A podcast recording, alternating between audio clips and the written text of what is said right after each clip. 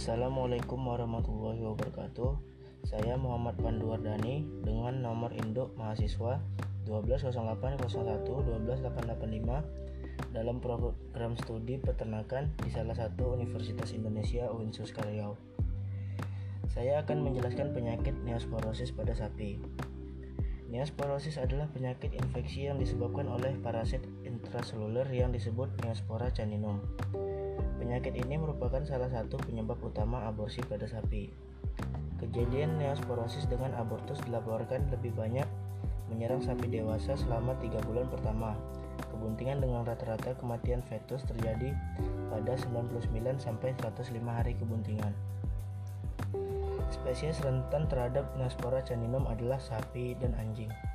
Ternak sapi merupakan hospes intermediate alami dan juga merupakan sumber penularan. Neospora caninum ditularkan secara vertikal dari induk ke anak tanpa gejala klinis berkisar 5-60% pada sapi.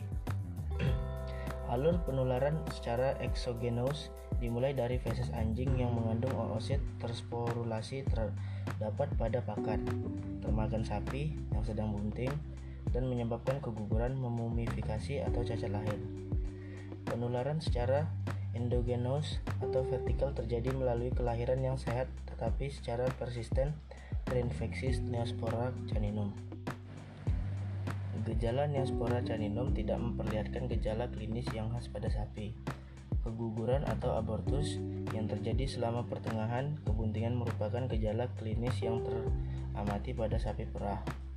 Neosporosis menyebabkan abortus berulang-ulang dengan pola abortus yang bersifat sporadik atau endemik maupun epidemik.